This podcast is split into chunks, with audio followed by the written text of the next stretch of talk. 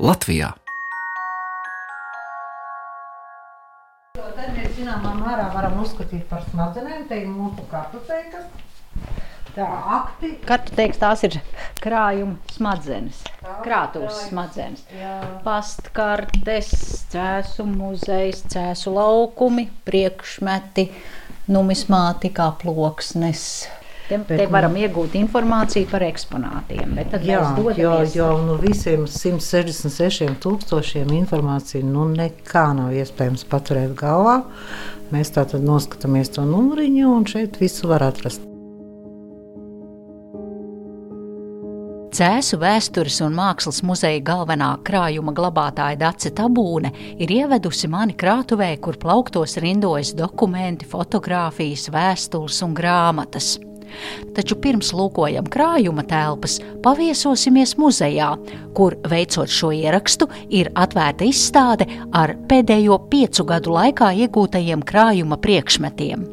Te iepazīsim vairāk kā tūkstošu gadus senus izējumateriālus un to dokumentētāja, āraišu ezerpils izpētītāja, arheologa Jāņa Apala pierakstus, tautas tērpu ar savdabīgu tapšanas stāstu, bet mēs sākam ar vēstuli, ko 1901. gadā rakstīja Cēsu būvuzraugs, kurš piedalījās jauna nama celtniecībā Pils ielā septiņi, un nesen šo māju remontējot, zem pirmā stāva grīdas tika atrasts šis vēstījums. Tad mēs neatrodamies vēl pagaidām krājumā, bet e, izstāžu zālē kurā ir izstādīts tikai un vienīgi krājums. Tie ir mūsu jaunieguvumi pēdējo piecu gadu laikā. Un tā ir maza, maza daļiņa no tiem. Blakus pilī esošajā ēkā notiek remonta darbi. Un vienā no šīs ēkas pirmā stāva telpām tika atrasta pudele. Jā, uz pudeles ir rakstīts Mazepa. Ruskaja Mazepa G.A. Šveinfurt. Es saprotu, runa ir par kādu saldu sarkanvīnu, kas tika Lai nu saulē- kas tur būtu bijis iekšā, bet nav nekā svarīgāka par šo vēstuli, kas bija šajā pudelē.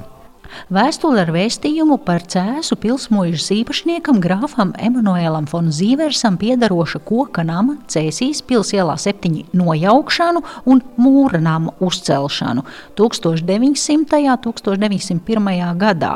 Un kā mēs te varam lasīt, tad vēstījumu ir sastādījis 53 gadus vecais jēkabs amatnieks, kurš bija būvuzraugs, un tur ir nosaukti būvnieki, krāsotāji, galdnieki. Cēzu pilsētas galva šajā laikā ir bijis aptiekārs Trampedahs, eh, policijas un apriņķa priekšnieks Gēdgens, un vēstījumā sniegtas ziņas par 1901. gada karsto vasaru un paaugstinātām pārtikas cenām un par krusas negaisu cēsīs. Un vēstījums tika atrasts aizkorķētā zaļā stikla šajā pudelē. Jā. Un es skatos uz oriģinālu šobrīd. Jūs skatāties uz oriģinālu, esam atļāvušies. Vēl pēdīgi pieminu, ka 1901. gada vasara bija ļoti Sausa un Saus, karsta. sausa un karsta. Karstums bija 32 grādi. Nevien visā Baltijā, bet arī citās zemēs. Pār, man jāprasa nedaudz jums. Nevien visā Baltijā, bet arī citās zemēs par sausumu un karstumu žēlojās. Un kas tā pēdējā rindkopa ir, ko viņš mīļais, labais, kad būšu zemesklēpī? Labi padusējies, tad esmu jau 53 gadus vecs, tādēļ uz redzēšanos tur tēva mājās. Tas ir ā, respektīvi mums. Viņš jau ir nolicis vēstījumu nākotnē. Tā viņš uzrunā mūs.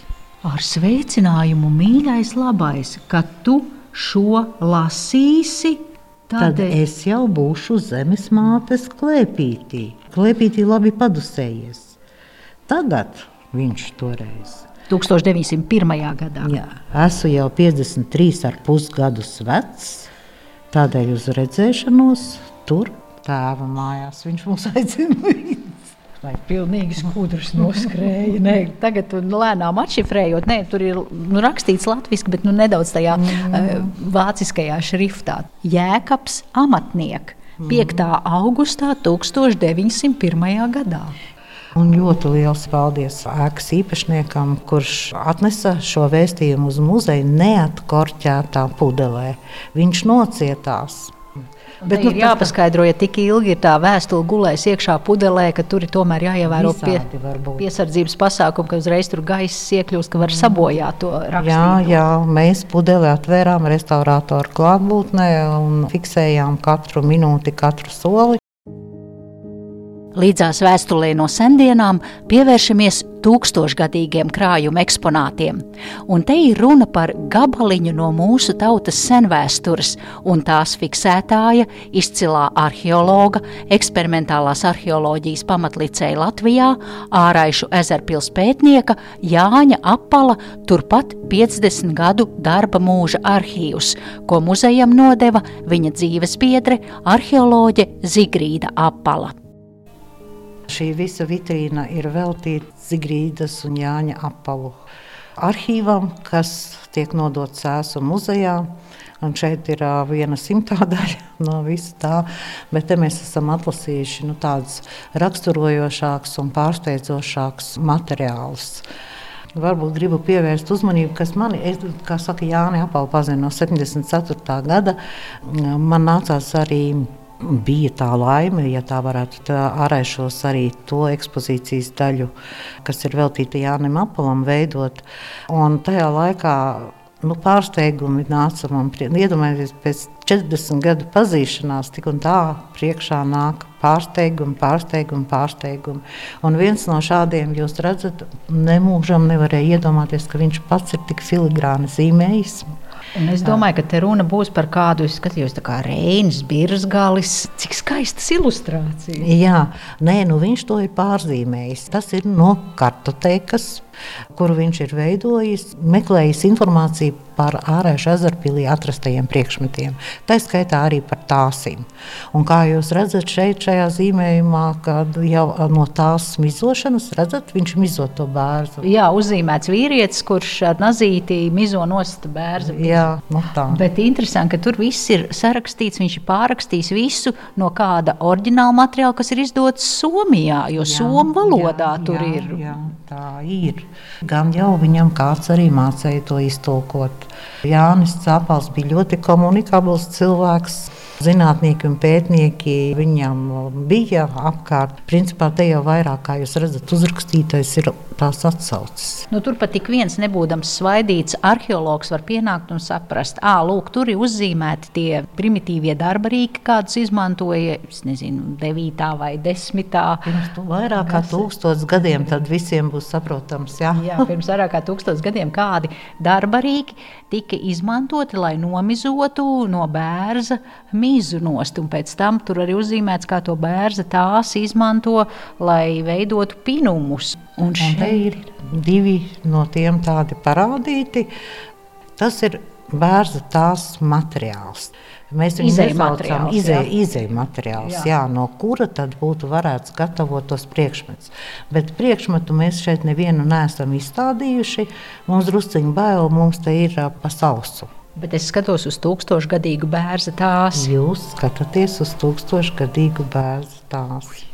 Un nevis parastu bērnu tāsi, bet ko kāds mūsu sensis, dzīvodams ārājušā ezerpilī, ir izmantojis, lai pēc tam veidotu, ko viņi veidoja, vai pinumus. pinumus pie apaviem ļoti daudz nav tās izstrādāju. Un es skatos uz māla podiem. Tie no māla veidoti. Tie ast... Māla trauciņi, Jā. māla podiņi. Ja jūs ieskatīsieties, jūs redzēsiet, ka ornaments tur ir. Nu, ar ornamentu viņi ir arī pierestaurēti. Ja? Šis ir pilnībā saglabājies oriģināls kas ir apdedzināti toreiz ļoti, nu, tas ir 8. un 9. gadsimts, Jā. ļoti primitīvi, ja, ugunskurā apdedzināti māla trauki, ko cilvēki izmantojuši saimniecībā. Un no visa lielā lēruma fotografija, kas nonāk mūsu krājumā, es izvēlējos dažas, kur pirmo reizi izrakuma laukumā satiekas šie abi tagad Latvijā ļoti zināmi arheologi. Šeit viņi abi kopā strādā pirmajā izrakuma laukumā, kur viņi ir. Tas ir Altenes pilstrupas. Runa ir tātad par eh, Jāna Apalu un viņa dzīves biedri Zigrīdu. Un šī fotografija ir 1963. gadā, kad Zigrīda ir laboranta un viņi tur ir pirmoreiz satikušies. Vēl nav izrakuma laukumā pazīstami, jau viņi tā kā ir, viņi ir institūtā iepazinušies jau. Jā. Šeit mums ir svarīgākais, kas mums nonāk mūsu krājumā, ir Jāņa apala zinātniskais arhīvs. Tas viss viņa.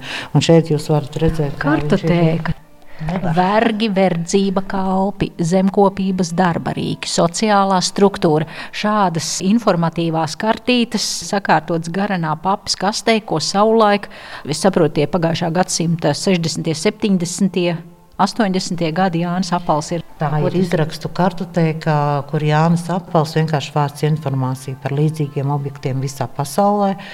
Viņam tādas kastes ir vairākas.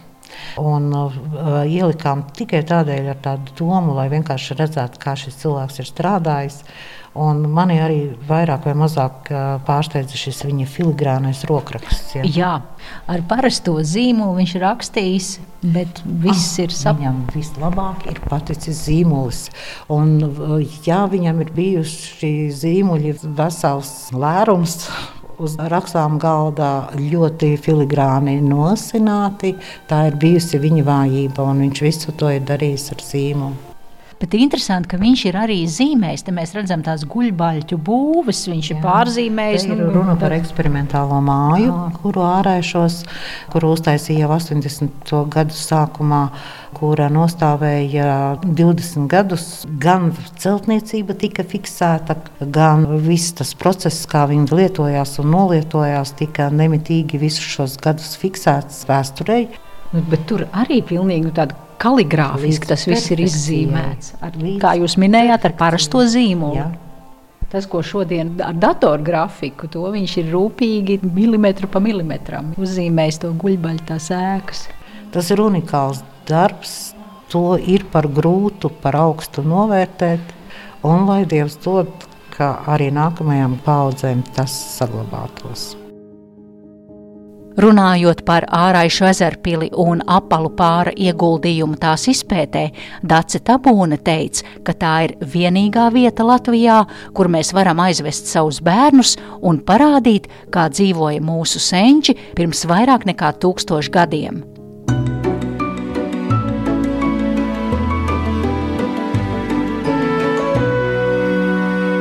Vietu lietas.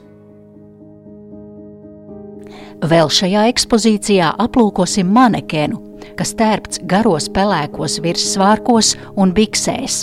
Par plecu rakstāini adīti pirkstāņi, brūngana celu josta ap vidu un galvā melna platmale. Runa ir par vīriešu tautas tērpu, kas 1968. gadā ir ieguvis balvu kā vispareizākais vidzemes tautas tērps. Pirms dažiem gadiem šo tautu starpu mums atnesa no Anglijas. Latvijā atgriezies Egons Andersons, kurš Pēc atgriešanās apmetās uz dzīvi cēsīs. Viņš nav dzimts cēsnieks, bet no 2003. gada līdz šai dienai viņš dzīvo cēsīs. Un šis darbs ir gatavots Anglijā, Manchestrā jau 60. gados. Un uh, Egons Andersons šajā tautas darbā ir piedalījies gan koros, gan spēlējot mūzikas instrumentus, un arī otrajos Eiropas Latviešu dziesmu svētkos Hanoverē, kur arī piedalījies konkursā ar to un ieguvis pirmo vietu par visprecīzāko tautas dārpa atdarinājumu. Un tas bija 1968. gadā. Un te mēs varam izlasīt, pats viņš ir, viņš ir leģionā iesaukts, dzīvojis Anglijā, mācījies Tehniskajā koledžā un strādājis kā inženieris konstruktors Manchesteras rūpnīcā, kas savulaik ražoja tramvajs arī Rīgai. Bet, ja es skatos, ka šeit ir arī balti vīriešu pirkstaiņi adīti ar latviskiem rakstiem un zeķes, vai tos viņš ir radījis? Tos radījusi viņa kundze. Tie, Bet, tie Bet mēs skatāmies, tātad tie ir tādi brūnpelēki, gari vīriešu virssvārki, mm -hmm. rakstaina tautiska josta, melna, mīksta filca platmale. Es pieņemu, ka tā ir droši vien pirkta kaut kur Anglijā, bet droši ap to jā, platmali varam ir tāds zigzaga raksta apkārt, ko viņš pats ir darinājis ap to platmalu aplīti. Jā, ja mēs ieskatītos inventāru grāmatā, mēs par to platmalu arī noskaidrotu, no kuras vietas. Mm -hmm. Tā ir vadmala. Kur viņš šādu vadmalu dabūja? Ārkārtīgi kvalitatīvs audums. Bet viņš pats pašūs to pasūtījuma, Ā, ne jau viņa pasūtīja. pasūtīja, viņam, tā kundze ir radījusi, droši vien arī to celu jostu kundze ir pinusi, to mēs nezinām. Um, Tā ķieģeļa krāsa. Mēs varam pie šī jautājuma atgriezties Gaujas ielā 6. Nolikšu jums priekšā visu. Labi. Minētajā adresē atrodas viena no Cēzu muzeja krājuma telpām, un te Dārsa Tabūne atšķir vajadzīgo lapusi inventāra grāmatā, un mēs uzzinām minētā tērpa radīšanas vēsturi. Mēs skatījām to tautas tērpu, jā, un tagad es atradīšu viens, viens septiņas. Šeit būs inventāra grāmata. Te jūs varat lasīt gan par jostu, gan par cimdiem.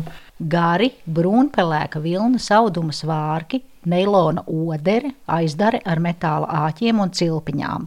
Svārkus ir uzšūs kāds ebreju tautības cilvēks. Manchesterā. Bikses arī uzšūs kāds ebreju tautības cilvēks Manchesterā. Līnu auduma krekls ar smalki tamborētu apakli to ir šuvusi viņa sieva Dzintra Andersone. Sieva ir radījusi arī vilnas zeķes ar rakstainu, maliņu, pirkstaiņus ir radījusi. Lūk, par platmali. Melna platmale ar dekoratīvu plastmasas bantīti, un platmale ir sūtīta no Austrālijas. Un josta, kas ir austa tautiskos rakstos, ir darinājusi kāda latvieta Manchesterā. Redz, cik interesanti. Anglijā ebrejs ir šuvis svārkus, bikses, cepure ir nākus sūtīt no Austrālijas, un viņš ir ieguvis godalgu par to, ka šis tērps ir vispareizākais vidzemes tautas tērps. Jā, Bet to ir nu, trimds latvieši to tā jā, jā novērtējuši. protams.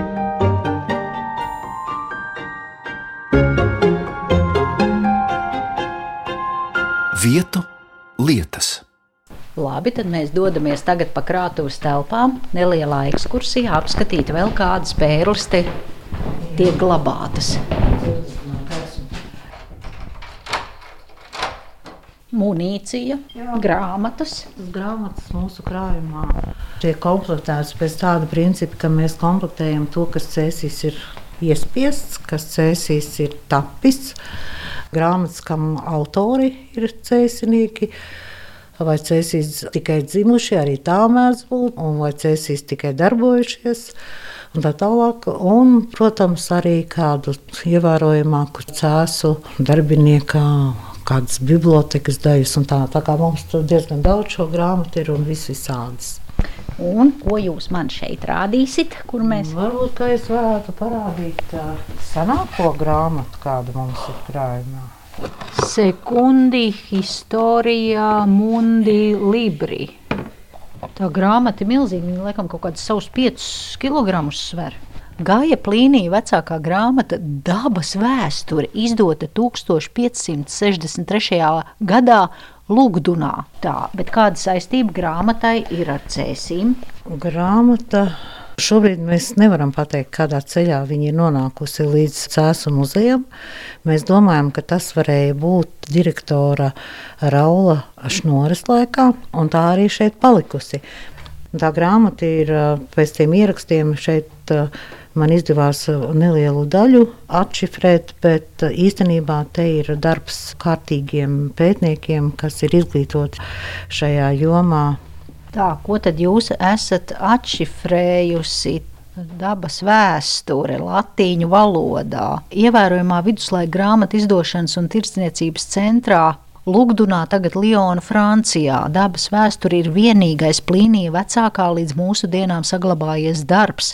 Autors to ir rakstījis sešus gadus. Tā sevišķi populāra bijusi viduslaikos. Te atrodams izziņas materiāls par geogrāfiju, antropoloģiju, zooloģiju, botāniku, medicīnu, mineraloģiju un mākslu. Viņš ir sīki un detalizēti aprakstījis papirusa izgatavošanas tehnoloģiju. Iesiet ar ādu pārvilktos koka vākos, aizdara veidot no metāla kaluma. Grāmatas muzejisko vērtību nosaka ne tikai tās autors, saturs, vecums vai izdošanas vieta. Grāmatās bieži atrodami to īpašnieku ieraksti, kurus izlasot varam uzzināt arī konkrētās grāmatas vēsturi no brīža, kad tā ir atstājusi izdevniecību, un arī plīnī vecākā dabas vēsturē ir vairāki ieraksti. Viens no ierakstiem, ko ir izdevies atšifrēt, ir Pauli Pastoris Rīgensis Rīgā. Par Pauli Oberdonu zināms, ka viņš ir bijis luterāņu mācītājs Rīgā un Kurzemē, miris 1604. gadā. Un viņš šo grāmatu tad ir lasījis un kaut ko te ir ierakstījis? Ja? Un šeit ir tas ieraksts arī, zin. Redziet? Jā, Pauli Oberdoni. Bet te ir vairāki ir vairāki. Tāpēc es saku, ka te mēs gaidām, piemēram, Bogislavs. Nu, gan jau ir kāds cilvēks, kas zina, kas tas ir.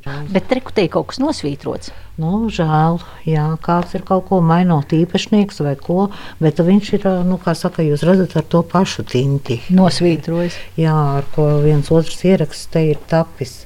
Ne, ļoti interesanti, ka tajā grāmatā ir bijuši vairāki īpašnieki, un tie arī tajā pirmajā titula lapā ir atstājuši ierakstus. Jā.